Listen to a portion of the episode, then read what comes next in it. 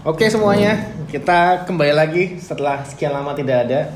Kita akan kembali dengan podcast CDF Music.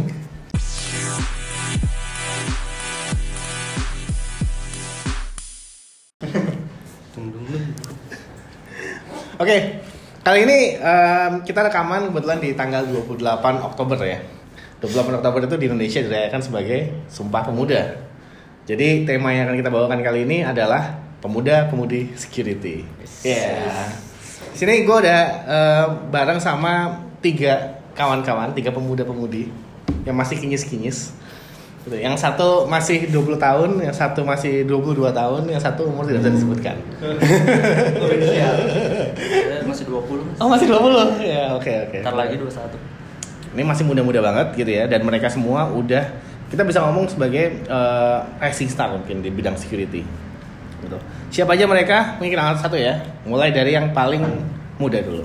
Monggo, masukkan. Eh, aku Sulkan uh, Sulkan Effendi di jadi junior IT security.com tapi mungkin eh, jangan jadi racing star clearance lebih masih muda sih jadi masih banyak belajar Namanya rising itu artinya dari bawah menuju ke atas.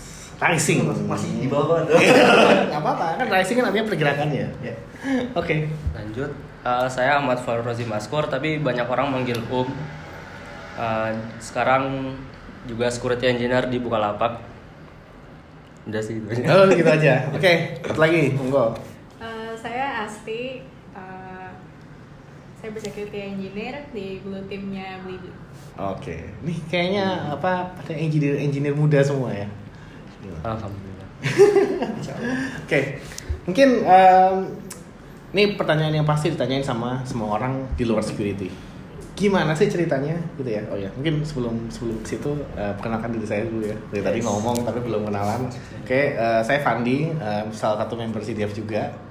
Jadi eh, kita beruntung bisa mengundang tiga junior junior yang bermasa depan cerah di sini. Oke, mungkin kita lanjut ke pertanyaan pertama ya, yang yang mungkin bakal ditanyakan sama semua orang, eh, semua orang yang eh, mungkin baru tahu kalau kalian loh, kalian ternyata security engineer gitu kan. Terus mungkin kayak, kenapa sih kalian bisa sampai nyangkut gitu ya di bidang ini? Oke, siapa mau duluan yang jawab? ladies first Dari first. Oke. Tadi saya jebakan. Masuk di dunia security antara 50% terjebak, 50% keinginan. Kayaknya semua orang begitu ya. Awalnya DevOps bilang ke ke leadnya kalau pengennya lebih ke data scientist, data analytics, terus ditahan Hmm. di infra direkomendasiin kalau misalnya masuk ke security gimana gitu. Oke. Akhirnya masuk. Ini berarti kerjanya Bapak Rendra ini pasti nih. jebak orang Oke oke, next job pak. Ya, Oke. Terus apa lagi? Udah dari situ gitu aja atau mungkin ada sedikit lika-liku sebelum beneran jadi security engineer? Kaliku apa ya? Nggak ada sih, palingan dari DevOps aja. Oke oke oke. Next. Eh, kalau dari saya sih dulu awal nggak ada nggak ada imajinasi bakal di cyber security untuk dua bahkan tiga tahun yang lalu Oke. Kamu juga Eh, terjebak berarti ya? Orang-orang terjebak eh, mungkin ya terjebak juga sih namanya. Eh, dari dulu dari SMK banyak kan nggak ada nggak bakal ada belum ada cyber security gitu kan. Hmm. So eh, banyak teman-teman yang ah aku developer lah gitu kan, aku jaringan lah. Tapi aku nggak terlalu suka hal yang monoton. Jadi dari dulu nggak nggak ada yang benar jadi eh, yang gue tahu dulu sysadmin atau yang sekarang bahkan eh, hampir menyamai DevOps ya yang setauku. Jadi dulu pertama ambil sysadmin dalam berapa bulan dan sebagainya. Eh, terus kerja di suatu tempat di Jogja jadi sysadmin Eh, jadi sysadmin belajarnya masih masih dikit-dikit. Jadi belum ada ranah ke cyber security sampai suatu ketika lagi dev lagi bikin uh, suatu server banyak serangan kan. Dari situ oh ternyata emang ada uh, security kayak gitu. Tapi sebelum itu sadar ketika aku mau lebih dalam ke security aku harus tahu konsep dasar apa sih yang mau aku kuasain ke depannya. Jadi eh, aku lebih ke infra belajar eh, cloud dan sebagainya. Kemudian setelah satu tahun satu tahunan eh, nyoba developer karena biar aku tahu konsep eh, ketika teman-teman develop tuh kayak gimana. Jadi meskipun aku nggak bisa buat suatu aplikasi setidaknya aku bisa membaca itu mulai darinya Oke. Eh, dari situ ini banyak cerita kok mas Ya banyak luar biasa. Gak apa-apa, terusin terusin. Terus dari Dua jam juga bisa. developer akhirnya dulu tahun 2018 ada eh, DevOps. Aku dulu masih belum mau ke DevOps karena aku belum cukup paham di samping sama developer. Tapi nggak mau nggak mau kan tetap berkembang. Aku kalau nggak kalau nggak ngikutin ntar ketinggalan kan. So eh, mau nggak mau belajar DevOps. Belajar DevOps tiga bulan, terus ada tawaran ke sini ke tiket. Coba deh. Awalnya nggak ada nggak ada pikiran oh aku bakal join tiket nggak ada. Karena uh, pada awalnya mau tes nggak? Tes dalam artian pemahamanku adalah tes doang. Karena aku pengen tahu sebenarnya apa sih uh, tes yang dilakuin teman-teman ketika mau join jadi cyber security gitu. Jadi tes ternyata dilanjutin sampai sekarang. So ya mungkin ini Ya, Iseng-iseng berhadiah. ya Berhadiah. Boleh, boleh, boleh, boleh. Oke. Oke, kalau saya sendiri awalnya pas masuk uh, kampus Hmm. itu dari jurusan ada nyediain banyak komunitas. Nah, Oke. dari semua komunitas itu kayaknya yang paling cocok tuh cyber security. Sebenarnya banyak sih ada komunitas programming, ada komunitas data mining, ada UI UX, tapi yang paling uh, menarik hati itu yang cyber security itu. Soalnya penasaran juga kan gimana sebenarnya sistem itu bekerja. Terus gimana juga kita dari pemahaman sistem itu kita bisa think out of the box. Hmm. Kita bisa uh, cari unintended uh, apa behavior yang dapat terjadi dari pemahaman-pemahaman itu. Nah di situ uh, mulai dia tertarik cyber security terus join, ya udah terus uh, ikut kumpul-kumpul ternyata suka. Jadi ya di situ mungkin cuman saya sendiri yang nggak terjebak ya emang nyoba Emang Ya, emang rencana niatin terus ternyata wah enak nih seru gitu sudah Bagus, bagus. Kalau diniatin tuh emang beda ya kita terjebak sini. ya setiap orang ada jalannya mas yes Oke. Oke. Kalau misalnya kalian sendiri apa setelah nggak tahu nih udah berapa tahun mungkin kayak 2-3 tahun ya berkecimpung di dunia security ya kira-kira Eh, bahkan mungkin ada yang baru setahun. Setahun. Pasti setahunan ya? Iya. gimana sih kesan-kesan kalian sekarang gitu ya terhadap dunia security? Kan tadi kan yang diomongin kan awalnya nih gitu kan awalnya kayaknya gini nih kayaknya gitu nih. Nah kalau sekarang kalian lihat gimana? Coba. Oke tadi kan asli duluan ya saya gantian ngomong lagi. Jadi uh, kesannya seru sih banyak hal-hal baru yang uh, dipelajarin gitu yang awalnya kirain security itu cuma segini ternyata eh ini juga masuk security ya ini tuh uh, masuk dalam ranah ya sesuatu yang kita kerjain juga gitu itu jadi seru banyak hal-hal yang baru yang bisa dipelajarin Oke, Kalau dari saya banyak teman-teman unik baru yang baru aku tahu. Ternyata oh Iya. dia pro di sini atau bukan pro sih bahasanya, lebih duluan mengenal. Hmm. Eh, lebih jadi lebih tahu duluan daripada saya. So banyak eh, teman-teman di mana aku bisa belajar. Jadi lebih luas pandangannya. Ternyata aku cuman kayak gini doang gitu kan. So menarik dan mungkin akan terus berlanjut seperti itu.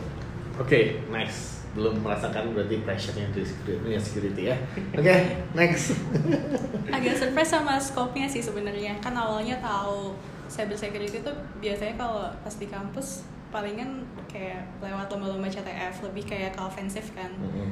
lebih retimin sama ofensif Uh, terus terus uh, masuk blue team awalnya ngirain kan kayak ada dari mulai ya secara defense, intelligence sampai forensik saya pikir hal-hal kayak gitu tuh cuma ada di film-film gitu. Oke oke. Maksudnya Iya, bukan CSI bukan saya. protection bukan protection. Biasanya kan kalau misalnya kita ngomongin defense ya palingan kayak endpoint protection terus uh, tentang AV lah atau misalnya identifikasi attack yang lebih berhubungan sama kayak di perusahaan tapi ternyata ada hal-hal kayak uh, dari mulai uh, forensik, intelligence-nya gitu-gitu yang scope-nya tuh ternyata luas dan sangat menarik buat diekspor. Oke. It's interesting actually. Jadi bener-bener kayak apa kalau di film-film itu CSI Cyber Oh, iya. ya. Hackerman Hackerman. Hackerman. Aduh. Oh, luar biasa Hackerman. Oke, jadi setelah udah ada yang terjebak gitu ya, ada yang diniatin sama security, tadinya ngira security kayak oh asik banget, ternyata di setelah dilewatin lebih asik lagi kan ya. Nah sekarang penasaran nih, kalian sendiri tuh udah punya bayangan belum sih kayak saya tuh pengennya belajar ngedalemin apa sih dari sekian banyak luasnya dunia security. Oke, sekarang sudah. Oke, eh, dari awal sebelum aku security kan lebih senang ke eh, infra dan sebagainya. So dari aku belajar security mungkin entar jadi sebuah nilai plus ketika aku akan membangun sebuah sistem sendiri, entah sistem dalam artian apa pun itu. Hmm. Jadi enggak em, mungkin beberapa tahun ke depan belum tentu juga masih di security mungkin lebih ke eh, develop sebuah, sebuah sesuatu Hmm. yang lagi riset sih sampai sekarang jadi mungkin eh, nantinya eh, bukan red team atau blue team tapi gabungin itu semua gimana biar bisa eh, jadi satu buat produk atau perusahaan itu Oke. CTO. Nah, mungkin kayak Om Paulus berarti. aduh jangan berapa di situ Oke. Sip, kalau Asi gimana? Kalau saya sendiri kan fokusnya kan sekarang ke cyber intelligence. Uh, jadi sebenarnya sih dari dulu emang tertariknya ke gimana ya? Kayak mempelajari gimana behavior human behavior. Oke. Ya kayak ya kalau misalnya kita renungin lagi sebenarnya segala macam kayak attack atau misalnya security incident dan lainnya itu sebenarnya kan itu sebenarnya dari orang kan bukan bukan mesin ujuk-ujuk bikin gitu. Pasti kan ada orang yang uh, melancarkan Iya. attack tersebut ada orang di belakangnya gitu. Jadi ya itu menarik sih uh, kalau ngomongin cyber intelligence. Jadi kayak ada sub data yang sangat besar di luar sana ada big data yang super noisy Iya. dan gimana caranya bikin uh, hal yang relevan dan bisa mempelajari dari mulai yang present uh, dan uh, mempelajari yang pas dan present untuk tren ke depannya Oke. atau memprediksi ke depannya Ini berarti big data versus Yes. security gitu ya. Big data kolaborasi. Oke, kolaborasi luar biasa. Un- Untung aja nyangkutnya security kan. gitu kan. jalur berarti. Jalur jadi kayak di sini dulu habis ke sana Iya. gitu kan digabungin meledak gitu kan. Jadinya. Kayak Sultan dari pengennya syseng developer gitu kan, security jadi CTO. Luar Ya. biasa. jauhan itu Oke, kalau Om sendiri gimana Om? tadi pertanyaannya bisa diulang Waduh. Takutnya yang juga dengar lupa. Jadi pertanyaannya adalah eh, setelah sekian lama di Iya. security ini ya, eh, udah udah apa namanya lebih asik gitu ya. Terus apa sih sebenarnya pengen didalemin ke depannya? Oh iya, untuk yang didalemin sendiri, eh, oh ya sebelumnya tadi eh, melanjut statement yang sebelumnya sih, kan saya tuh masuk eh, komunitas ya, masuk komunitas. Nah di komunitas itu kita diajarin CTF yang udah disebutin sama eh, Kak Asti tadi. Nah jadi di CTF itu sendiri eh, suatu lomba yang cyber security, eh, lomba dalam cyber security. Nah di CTF sendiri tuh ada banyak kategori-kategorinya.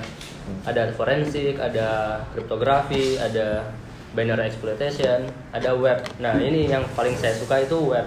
Oke. Jadi kita menganalisis bagaimana web itu bekerja, terus bagaimana kita bisa nge-exploit web itu sendiri. Nah bahkan di dunia kerja pun eh, kita melakukan pentest terhadap webnya Bukalapak gitu misalnya. Hmm. Jadi ya yang pengen didalami di bagian web ini sendiri sih. Oke, web sendiri luas loh, tau kan? Nah, ya, eh, banyak ada web yang dibangun dengan bahasa ini, bahasa ini itu beda-beda juga. Oke, Kayaknya nice. Fokus ke web aja. Oke, jadi kita udah udah denger ya mungkin em, aspirasi sejarah gitu kan dari para narasumber kita ini. Jadi ini kita open ya. Jadi kalau kamu Yes. sebenarnya Sulkan pengen nanya Asti gitu ya, eh, Om mau nanya Sulkan boleh gitu. Misalnya mau nanya, kamu habis pulang sama siapa? Aduh. kalau ngobrol-ngobrol gini ada yang marah nggak? Gitu. Monggo aja, bahkan kalau mau nanya ke gue silakan gitu ya. Kita formatnya diskusi. Sekarang kita pengen eh, lebih mendalami tiap orang, gitu ya. Jadi kita akan mengkorek-korek masa lalu dan Aduh. aspirasi.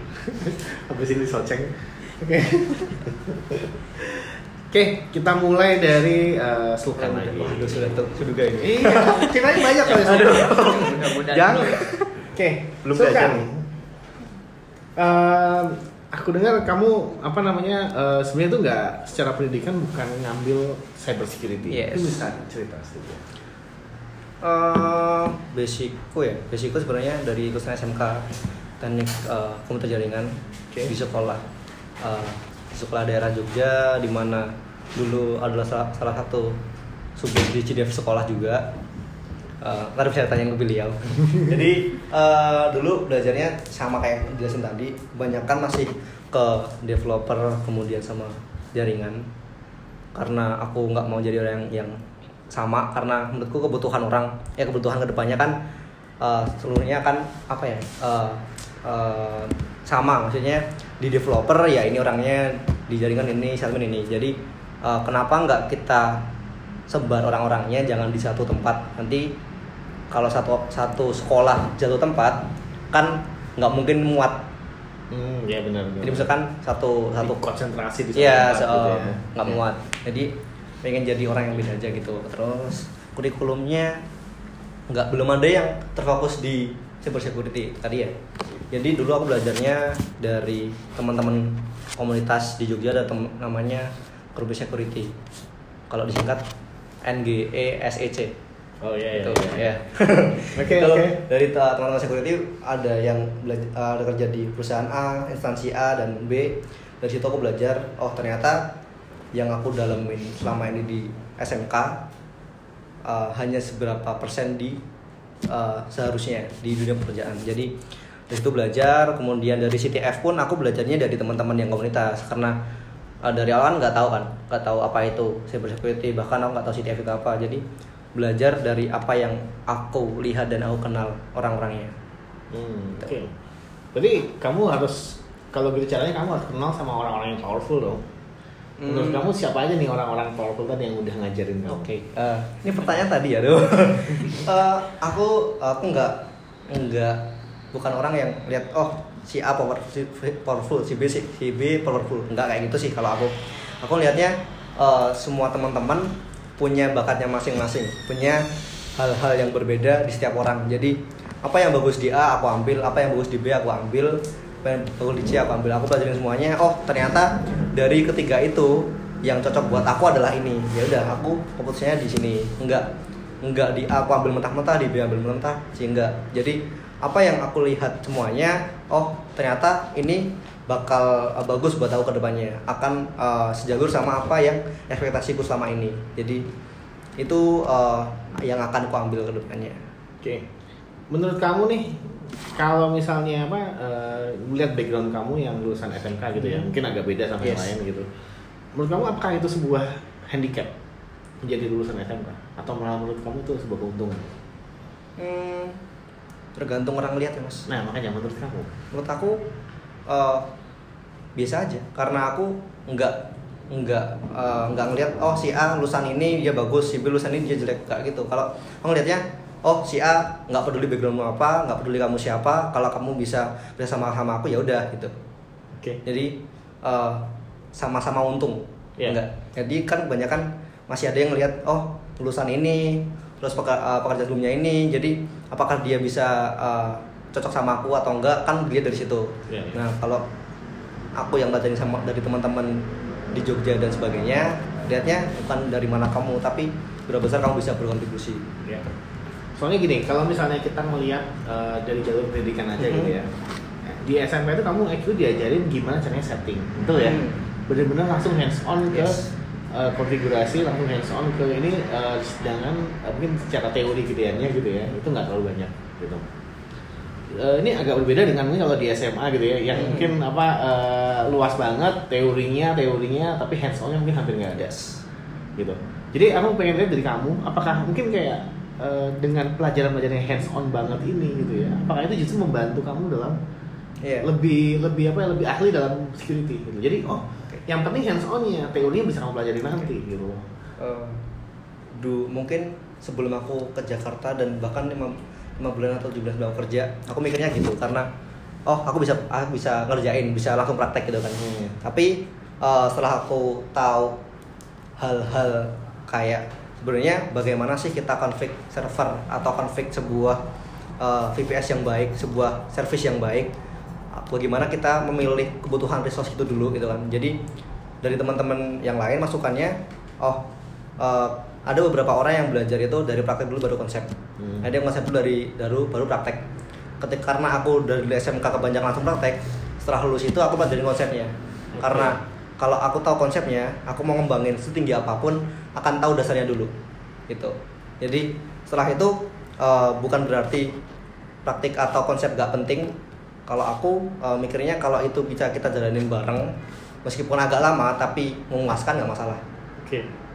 Mungkin ini sedikit eh, masih masih sesinya Sulkan tapi pengen tahu nih Hmm. pendapatnya Asti nih gimana nih. Kalau menurut Asti dulu di kuliah diajarin nggak sih soal hands on hands onan ini terkait security? Hands-on kayak security uh, mungkin yang merasa lebih merasakan ada hands on itu kalau misalnya ikut komunitas tadi yang diomongin sama Ya, Om. Surya kita berdua dari Oke. univ yang Ini sama. disclaimer ya. Iya. disclaimer ya. Ternyata Asti dan Um ternyata satu alma mater. satu produk ya produk dari satu ini jadi mereka berdua bisa ngomong di apa level Wes. bawah sadar gitu. Padahal tadi kita apa dari tadi kita ikut doang. Oke. Oke. Jadi menurut kamu justru kuliah malah tidak mengajarkan soal hands on itu?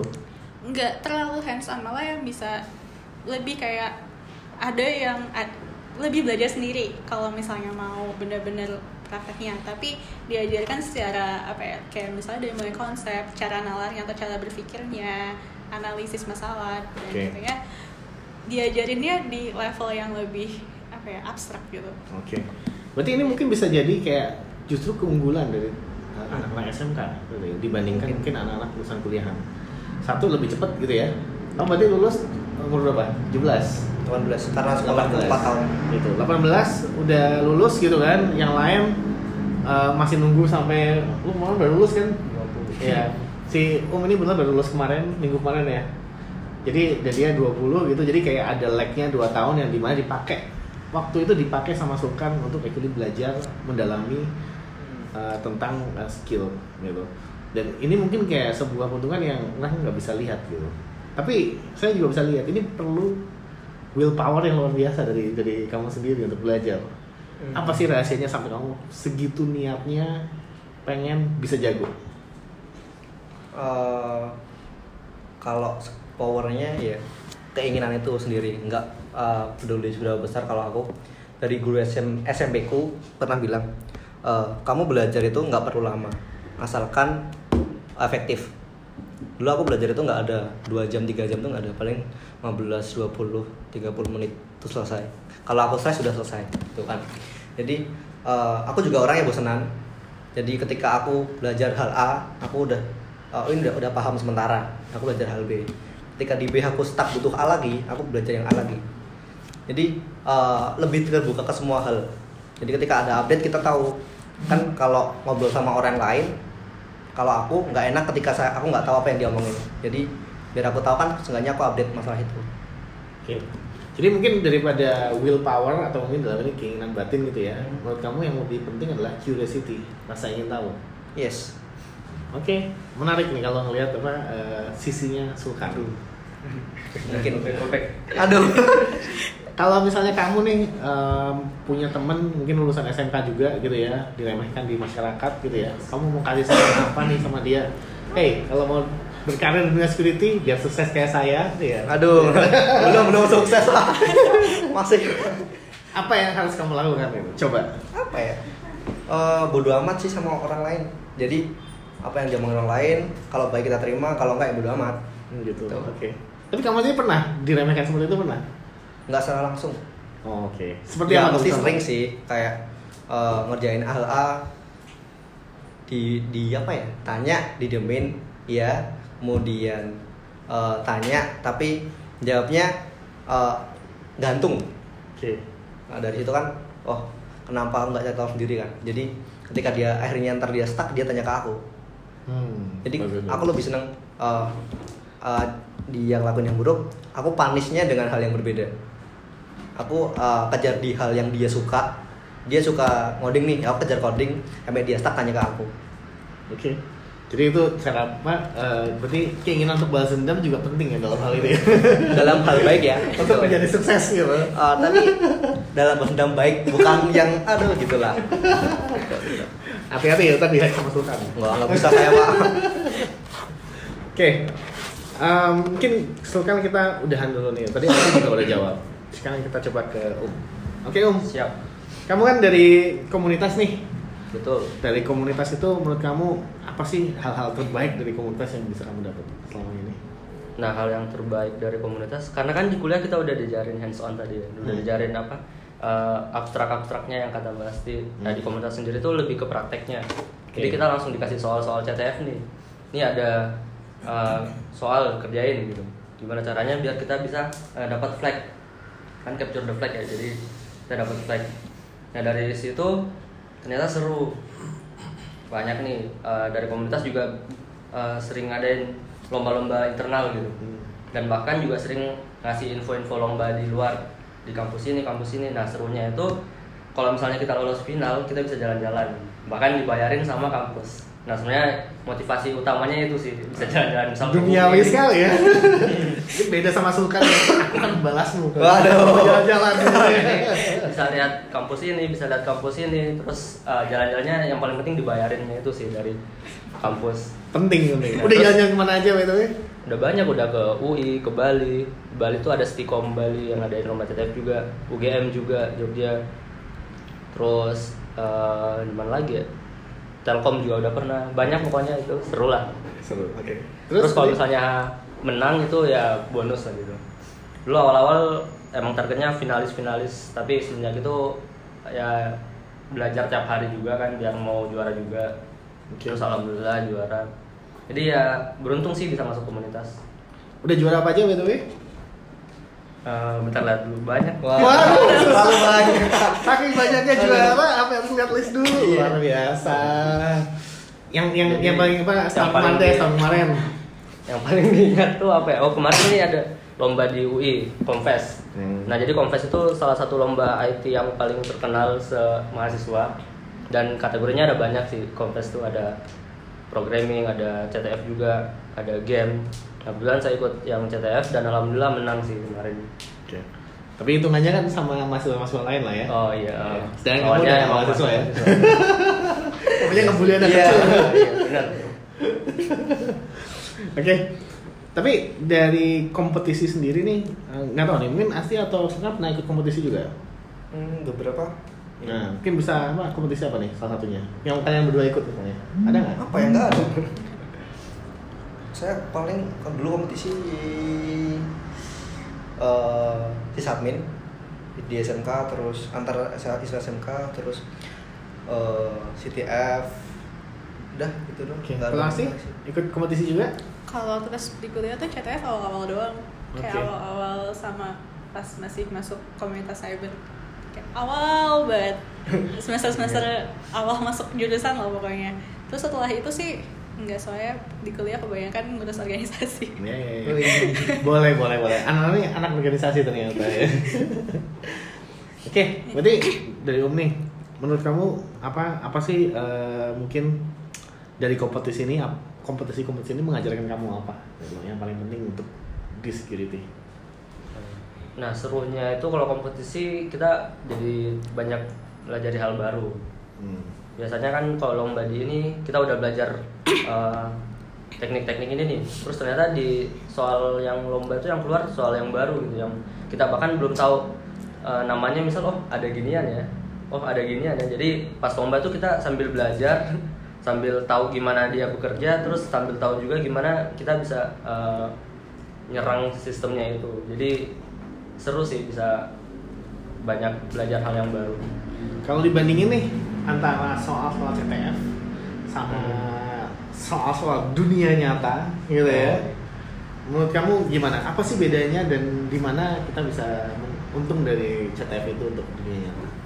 Kalau dari pengalaman sendiri di eh, kalau di dunia nyata itu lebih apa ya lebih basic sih lebih dasar. Misal kalau di lomba CTF misalnya ya skill injection Hmm. Nah kadang tuh SQL injection pelotnya kita tuh uh, di blacklist blacklist gitu nggak boleh pakai tanda spasi nggak boleh pakai petik. Nah tapi kalau di dunia nyata SQL injection tuh cuman sebatas ya masukin petik langsung error gitu langsung muncul langsung bisa di SQL injection lah intinya gitu. Jadi gitu sih. Cuman jadinya kalau di CTF kita lebih advance dikit gitu. Perlu ada melakukan alternatif-alternatif payload. Lebih puzzle gitu ya. Iya lebih menantang gitu. Kalau yang di dunia nyata tinggal coba yang basic-basic payload langsung bisa gitu. Lebih goblok-goblok gitu ya. Iya. Cuman bedanya kalau di CTF tuh kita bisa tahu nih kalau di sini tuh benar-benar ada bugnya. Hmm. Kalau di dunia nyata kita masih nanya-nanya ini tuh ada bugnya nggak ya? Ini tuh eh, bisa diserang nggak ya? Iya. Jadi lebih ke explore-nya sih.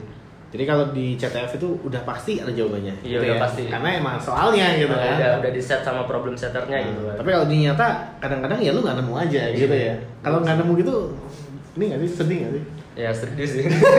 tapi kalau eh, kalau nemu juga seneng tapi sedih juga kan kok masih bisa ada ginian gitu. Tapi kalau ya agak jadinya agak bimbang. Kalau nemu eh, senang tapi kalau nggak nemu sedih tapi seneng juga karena oh ternyata udah aman itu udah paham. Oke oke, menarik menarik. Oke, kalau Asti sendiri, jadi gimana nih sebagai mungkin kamu tuh nggak ada temennya. Kenapa? Karena jarang banget sama cewek di dunia security. Sebenarnya ada diskriminasi nggak sih ke kamu di dunia security? Gak ada sih kayak dianggap sama-sama aja. ada apanya nih maksudnya? Ya maksudnya kadang-kadang misalnya, wah cewek gitu. Ada nggak sih kayak gitu? Atau atau justru kayak wah cewek gitu? Aku nggak Enggak sih, ngerti justru, lah. justru, justru sebaliknya Spesial. sebenarnya. Justru sebaliknya karena kayak jarang banget. Hmm. Dan aku juga menyadari pas masuk ke dunia security set- kayak um, ikut meet up, ikut uh, seminar atau dan lainnya itu kayak emang jarang banget sih cewek. Tapi kamu kesepian gak sih dengan ini sedikitnya profesional gitu ya? Terutama di community ya. Kalau Hmm. mungkin kalau yang kerja apa dunia sendiri kan agak banyak. Tapi yang actually masuk community kan nggak banyak ya. Iya. Sebenarnya kalau dibilang kesepian sih enggak, cuma heran aja kenapa jarang gitu loh yang mau ke dunia security kayak kalau dipikir-pikir sebenarnya sama-sama aja malah lebih nggak monoton dibandingkan jadi developer. Itu setuju. Oh gitu. Oke. Tapi kayaknya kalian semua setuju. Kan banyak cewek dicari di security. Kenapa? Cewek banyak dicari di security. Iya Pasti itu. cari cewek banyak. Pasti Iya. selalu mencari cewek. Iya. Saya yakin tuh Mas Reza juga ngeliat oh ini cewek. Iya. Boleh. Kapan lagi? Kapan lagi? ya? Memang penting penting masalah Iya. balance antara apa namanya cowok dan cewek. Karena stres. nggak cuma itu sih. Ada insight-insight yang mungkin eh, cewek lebih lebih gampang dapetnya. Dari jalan mikirnya juga Betul. mungkin ya kan ada perbedaan antara keteliti, ada yang mulai detail, Iya. ada makanya mungkin eh, pinter juga sih Mas Reza karena dia eh, carinya itu yang apa di blue team gitu Iya, kan. iya. yang butuh ketelitian gitu kan yang nggak bosenan Oh, gitu iya. ya kalau sulkan lihat dikit ah Apa nih? Oh. oke tapi kamu sendiri ngerasa selama di dunia security apa sih yang kamu udah eh, paling achieve yang menurut kamu wah ini eh, at least dalam sekian tahun gue di security ini yang gue bisa banggain daripada achievement sebenarnya lebih kayak wah akhirnya Asti belajar. Soalnya eh, mungkin beda ya sama Sultan sama oh kayak aku nggak bisa dibilang eh, apa ya nggak bisa dibilang mahasiswa yang baik gitu karena kerjanya cabut bolos gitu. Dan eh, karena satu bosen dua nggak nggak ketemu pengen apa ya kayak nggak merasa ini tuh jalan aku tuh di sini gitu. Nggak nggak menemukan tuh selama kuliah tapi begitu masuk di dunia kerja terus habis gitu ada case ini case ini setiap hari tuh selalu ada yang baru gitu. Terus jadinya kayak oh ini seru juga ya terus makin lama makin nge-explore kayak aku aja kadang nungguin kayak di Jakarta lagi Oke. nih nungguin antrian atau di dalam bus tuh kadang-kadang suka baca artikel-artikel tentang Oh, gua kira ngecekin itu. kalau udah gitu ya wah hebat sekali ya lo ini dan kita setiap ada setiap kalau misalnya lagi ada ya ada case ada insiden atau apa bukan malah jadi beban sih malah kayak Oh gitu. intrigue buat nge-explore itu lebih jauh kayak lebih tertantang gitu Jadi kalau tadi Um gitu ya punya guilty pleasure-nya gitu nemu wah Yes. vulnerability gitu ya. Kalau yang ini guilty pleasure-nya wah ada insiden. Boleh. Oke. Ini anak-anak ini terjebak atau gimana? Aduh. Oke, aku dengar kamu juga udah langsung eh, certified ya untuk eh, forensik. Mungkin bisa, Iya. kenapa sih sampai pengen ke arah situ? Forensik kan sesuatu yang apa ya? eh, nggak banyak gitu ya orang yang ngejar ini udah cewek terus ini wah luar biasa. justru itu kita tuh jangan Iya. mencari suatu hal yang udah Walaupun- direbutin banyak orang Iya. Oh, iya, oke. seleksinya susah apalagi kalau misalnya kita biasa-biasa aja gitu kan kompetisinya terlalu banyak Ini cari ke sesuatu yang lebih sepi Bagus. dia langsung bisa ah, Iya, pantas. Jadi cewek masuk ke desk itu udah sepi. Iya. Masuk ke forensik makin sepi. carilah sesuatu tuh yang unik gitu. Iya, dia nggak sama-sama lain. Hmm, sama-sama yang lain. Gitu. Pantas pantas. Nah, jadi mencari sebuah uniqueness gitu ya di mana kita bisa actually contributing value. Tapi bener sih karena kalau misalnya kita lihat di CSI Cyber dan kawan-kawan itu emang banyak tuh cewek-cewek analisnya gitu kan yang yang mungkin lebih teliti dan oke oke. Menarik sih kayaknya gue perlu cari cewek nih buat buat ini Wah, Nanti juga. rebutan-rebutan Oke, em, kalau misalnya apa namanya, berarti kalian semua itu benar-benar engineer ya? Pernah nggak sih kalau kalian tuh coba eh, explore ke bagian lain dari security, which is non technical? Coba mungkin siapa yang bisa cerita soal pengalamannya dengan non technical? Pasti dulu ya. Pengalaman dengan non technical Ya. tidak ada. non technicalnya dalam Tapi nah, gitu. Tadi kan bilang, tadi kan bilang kalau eh, menarik untuk ngelihat eh, orang dari niatnya, gitu kan, bahwa sebenarnya semua serangan-serangan ini belakangnya adalah orang, gitu kan. Jadi sebenarnya eh, soal orang ini, gitu ya, memanage orang, gitu ya, atau mungkin melihat niat-niat untuk dari orang, gitu ya. Itu eh, gimana sih pengalaman kamu mungkin? kalau sekarang sih mungkin kayak dari segi apa ya dari segi keterbatasan untuk explore dan waktu dan ini juga belum sampai dalam banget untuk mempelajari ke arah sana tapi sering eh, sering baca juga dan sering apa ya mencoba buat menganalisis itu kayak ngelihat tentang eh, kayak penelitian orang lain research research orang lain tentang hal-hal kayak eh, gimana nge-profile eh, Oke. suatu threat actor atau gimana caranya kita tuh ngeprediksi kira-kira eh, misal ada malware malware ini biasanya kan dia akan evolve dalam kayak oh satu tahun satu tahun kemudian dia evolve jadi malware yang lain lagi Hmm. terus ada orang yang bisa kayak oh ini tuh bagian dari malware ini dan udah diprediksi sebelumnya misalnya kayak gitu pokoknya hal-hal kayak gitu tuh juga aku sering aku seneng banget keluar ke sana gitu. Oke.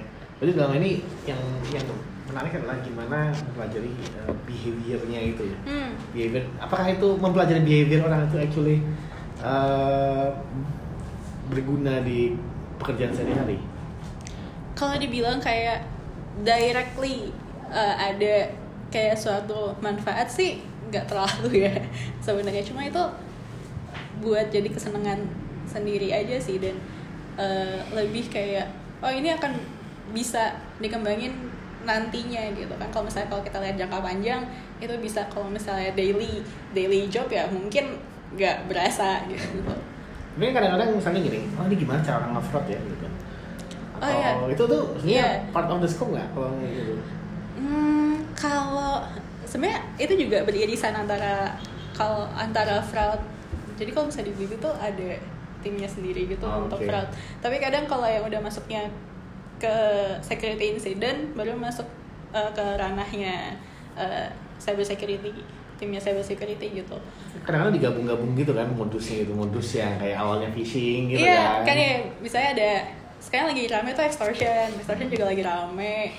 Phishing ya day to day pasti banyak lah gitu kan phishing terus kayak fraud. Ya kalau diomongin fraud dari kita kan di ranah e-commerce ya. dan banyak. ada sama customer pasti kan pasti banyak kan fraud itu juga kalau misalnya di sana kan prediktif palingan apa ya kayak menganalisis similarity between data itu juga terbatas kan jadi ada yang kayak modus-modusnya ah ini mungkin nanti muncul muncul modus baru kayak gini ini kayak kayak gini gitu biasanya suka ngeliat datanya ini kayaknya ini kayak bakal terindikasi nantinya oke di save dulu gitu. Jadi kalau misalnya butuh-butuh di lain itu kayak muncul gitu ada oh ada case ini nih baru gitu misalnya. Terus mereka lihat udah kayak oh iya ini dulu kayak pernah nemu deh kayak. IP sekian kalau nggak email pattern emailnya kayak gini nih biasanya ini gitu. Oke. Kalau Sulkan sendiri gimana? Non teknis. non teknis Eh, untuk saat ini dan mungkin beberapa bulan ke depan. Bahkan dua tahun ya kayaknya belum ada sih karena kalau ntar semuanya belajar non teknis nggak ada yang ngerjain teknis. Jadi saling itulah ngapin Oke oke. Kalau lu sendiri ada exposure ke ini nggak? Non teknis nggak? ada sih lebih belajar apa ya social engineering. Wah, jadi kadang di, so- di soal CTF tuh ada yang nggak jelas gitu mas. Nah di sinilah dibutuhkan social engineering. Kita nanya panitia "Ah, mas ini gimana ya ini gini gini gini nggak nah dari situ kita dapat tim-tim tambahan yang nggak didapatkan oleh peserta lain Oh gitu, intended ya. Luar biasa Tapi- yang zaman sekarang ya. kadang berhasil kadang enggak juga sih tergantung panitianya nah itu di situ dilatih skill social engineering kita sih Oke, jadi kalau ya berguna berguna. jadi kalau main tampangnya kelihatan alim tidak berdosa gitu ya, kayak lu gitu. Oh iya ya, gini ternyata di belakang. Oh, gitu. Oke, kalau tadi kita ngobrol sama Asti dia ada eh, udah ambil sertifikasi forensik, gitu ya. Kalau Sulkan ambil sertifikasi juga nggak? Hmm, ngambil ngambil dalam artian diambilin atau aku ngambil gitu Kamu ngambil? ya, udah itu aja. Kok Belibet-libet sih. udah udah ada alhamdulillah udah ada belum lama Nah itu apa tuh? Bisa cerita nggak? hmm, eh, dari SMK SMK dulu ya SMK SMK mau lulus itu sertifikasi eh, MTCNA terus kemarin pas eh, CTF sertifikasi CND belum lama kemarin OSCP Wah, luar biasa. Masih Andy, OSCP? MTCNA yang pertama MTCNA, udah, ya, udah ya. tidak berlaku Oke. eh Menarik. yang targetku sih sebenarnya yang ada yang di SCP karena kelas 3 SMK aku udah mikir oh aku pada suatu saat suatu titik mau sertifikasi ini kayak gini gitu dan eh, rencananya aku ngambilnya tahun depan tapi hasilnya gula tahun ini sih udah alhamdulillah gitu. Siap. Oke. Menurut kamu seberapa seberapa ngaruh sih pelajaran-pelajaran di sertifikasi itu Hmm. ke hari-hari kamu?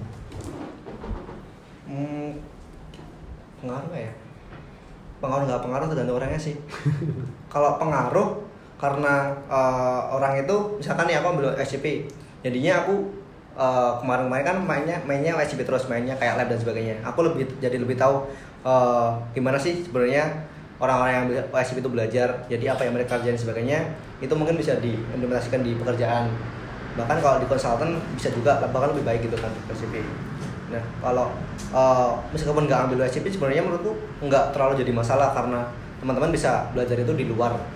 Tuh. Oke. Kalau kamu sendiri gimana Om? sebenarnya tentang sertifikasi belum kepikiran sih mas tapi Oh, iya. eh, ketika masuk ke dunia security kayaknya eh, seru juga kita punya sertifikasi di belakang nama tuh ada tambahan-tambahan Jadi ST kurang ya, jadi pengen sih nyoba-nyoba tapi yang paling dekat kayaknya nyoba OSCP sih Ini mas kode. Kode kode. Kode. nunggu nunggu di dari kantor Oke, tapi eh, sebenarnya kalau misalnya menurut kalian sendiri ya, pengalaman kalian sendiri gitu ya, apalagi yang udah ngambil sertifikasi. Gitu. Sertifikasi sebenarnya penting nggak sih buat kalian? Hmm. Eh, tergantung. Kalau menurutku penting sih mas, karena di apalagi di Indo kan selain melihat eh, ijazah, karena kan ngelihatnya sertifikasi. Hmm. Meskipun di luar itu masih banyak orang yang jago, bahkan lebih banyak jago dari yang orang sertifikasi. Lebih ke branding diri sama ngejualnya sih. Oke. Kalau Asti sendiri? sama sih apalagi kalau misalnya untuk orang-orang yang mau ke ini ya kayak forensic investigator apalagi buat yang resmi gitu biasanya itu ada requirements untuk ngambil sertifikasi tertentu kalau enggak misalnya nggak boleh atau atau nggak bisa nggak berwenang untuk melakukan hal-hal kayak uh, investigasi forensik dan semacamnya. Oke. Ya kalau di dunia audit sendiri bahkan ada mungkin kamu nggak boleh ngaudit kalau kamu nggak punya Iya. sertifikasi Iya. tertentu gitu. Jadi memang uh, ada profesi-profesi di mana itu jadi penting. Cuman kalau kita lihat kan kayaknya di kantor nggak nggak terlalu menggunakan itu ya. Apalagi ini om dari tadi kayak Eh. sertifikasi apa ya? Nunggu dibayar. Sambil sambil apa? Sambil ngeluarin apa eh, piala-piala juara ya. sertifikasi apa ya? Gitu. Gitu. Apa eh, tapi memang eh, kalau kalian dari target sendiri punya target nggak sih sebenarnya kayak aku pengen eh, achieve apa di dunia security ini gitu loh. Mungkin bisa bentuknya bisa sertifikasi, bentuknya bisa eh, mungkin menemukan sesuatu atau apa. Coba terus dari dulu deh. Kalau dulu saya pernah uh, scroll di Twitter ada security research tuh nanya uh, kalian menilai seseorang tuh dari mana sih? Hmm. Nah terus ada yang jawab dari uh, sertifikasi, ada yang jawab juga dari uh, write up write up yang dia tulis, ada juga yang dari bounty yang dia dapatkan. Misal dia dapat 10.000 ribu dolar atau berapa. Nah terus uh, dari situ saya lihat oh sebenarnya banyak sih aspek-aspek yang bisa dinilai nggak cuma satu Iya. atau dua bisa nih. Nah mungkin saya lebih ke uh, gimana caranya bisa nulis-nulis aja sih, Mas. sharing pengalaman berbagi biar uh, orang-orang juga tuh paham security itu sebenarnya penting gitu. Apalagi uh, developer-developer tuh uh, bisa paham uh, gimana resikonya kalau misalnya dia ini. Jadi biar internet lebih aman aja sih. Oke. Jadi kriteria sukses kamu dalam karir security adalah ketika eh, banyak orang tuh aware dengan security. Nah, bener. Oke, ini tag untuk penulis artikel berikutnya. Oke, pasti Kita kalau apa kalau kalau kriteria sukses kamu apa sukses sih ya, nah, dalam dunia security? saya rasa nanti uh, from time to time bakal evolve juga ya. Pasti, Tapi kalau misalnya untuk sekarang sih, uh, kalau misalnya saya udah bisa uh, sharing knowledge apa yang saya punya itu dan uh, apa yang saya kerjain itu bisa diimplementasiin juga sama orang lain. Jadi bisa menjadi contoh bagi orang lain juga dan uh, ya bisa menjadikan uh, community yang di dalamnya ada cyber security practitioners, researchers atau ya orang-orang yang interested itu juga bisa mengambil manfaat dari apa yang sa- saya buat gitu. Oke. Jadi gapnya apa nih sekarang sama kamu sukses itu coba? Kalau nanti itu apa gap? Gapnya Gap. itu mana itu eh, apa yang Ya. kamu mesti lakuin biar bisa mencapai itu? Menurut kamu? banyak sih. Hmm. itu pasti banyak kayak uh, apa ya?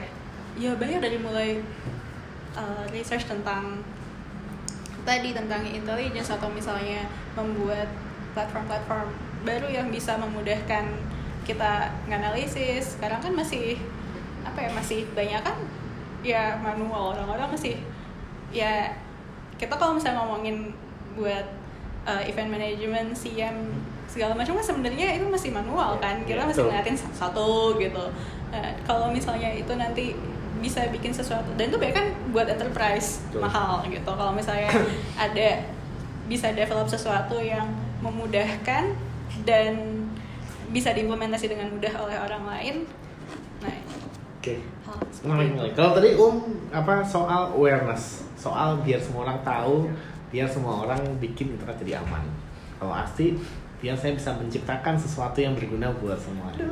Oke, Sulkan gimana nih? Kayaknya udah berat nih kan. Aku gabungin semuanya.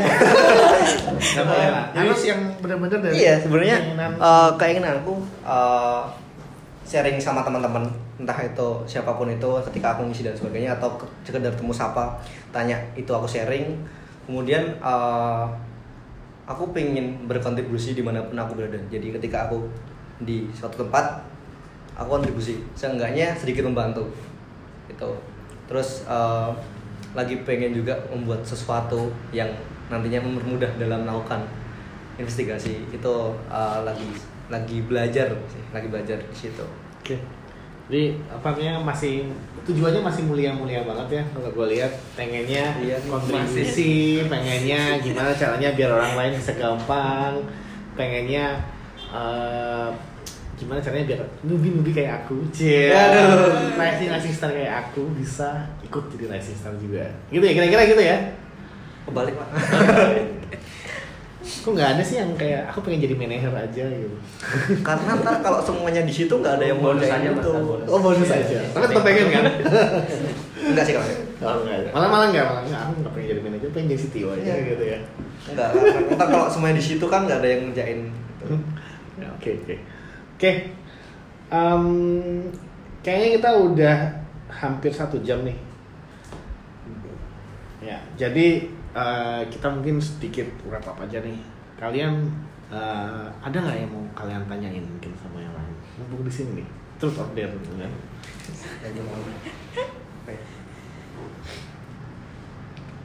Ya kan, Nanya ke Sulhan balik. Eh, boleh, boleh, Aduh, boleh. Pak kali.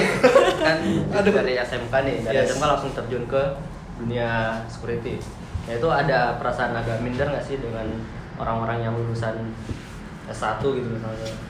Eh, yang pertama dari aku lulusan SMK nggak pertama nggak ada cyber security banyak minatnya tapi karena perkembangan itu ya eh, minder hmm, enggak sih kalau dari saya nggak minder enggak karena aku pengen eh, S1 pun dengan uangku karena dulu aku pernah bikin list berapa puluh list yang bakal aku kerjain lima tahun depan dan salah satu listnya adalah aku Satu. pengen iya satu pakai uangku sendiri meskipun orang tua aku maksa tuh dari kemarin maksa belum mau kan jadi itu sih Luar biasa, luar biasa. Mantap, mantap. Gimana? Mungkin mau nanya soal- udah punya udah tanyain mas Jadi di belakang. Ayo, ada yang mau bertanya lagi mungkin? hmm, apa ya Nah, kok diem begini? Iya. harus ngomong dong. belum belajar ya mas Ayo, begini kok belajar, ngobrol aja ngobrol. Kayak dari Ati kayak penasaran ada penasaran nggak nih dari juara CTF kita? Iya. Atau dari rising star lagi yang lain yang pengen jadi CTO? Wah, bukan pak nggak mau sih Oke. Ini apa ya? Ini sebenarnya menurut Asti nih orang-orang security itu pacarable nggak sih? Gimana Pacarable sih. oh dia Soalnya kan biasanya kan apa orang security itu kayak pulangnya malam gitu kan. Begitu di rumah juga kerjanya apa namanya ngoprek gitu kan. Tertutup Iya, gitu ya, tertutup, banyak yang introvert gitu kan. Enggak ya, pacarnya bukan orang security ya sayangnya. Eh, masih single Nah, tuh, bos. jawab tapi salah. ya don't mind juga kebetulan kalau misalnya di BB udah pada punya gandengan Oh, semua iya. Soalnya mungkin agak susah juga ya kalau punya pacar security karena paranoid. iya Ya kan?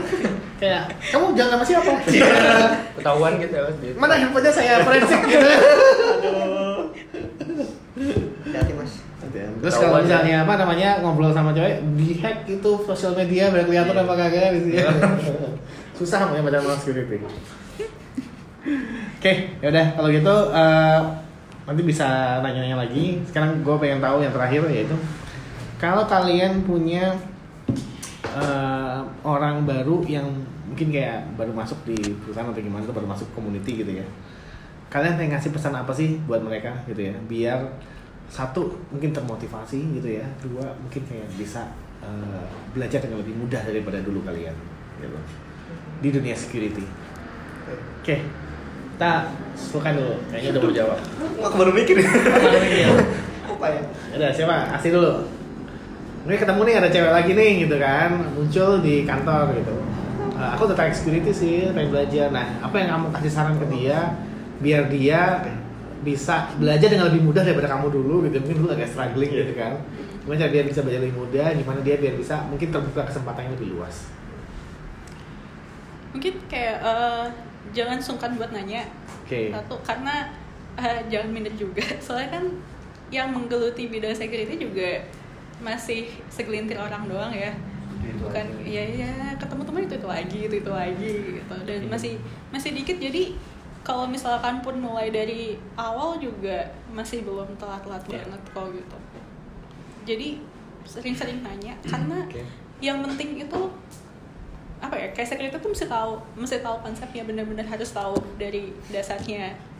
Dasarnya juga seluk Iya. beluknya juga harus tahu. Kalau enggak ya nggak bisa bikin suatu pemahaman yang komplit yang benar-benar yang apa ya yang cukup lah gitu buat di bidang security Oke.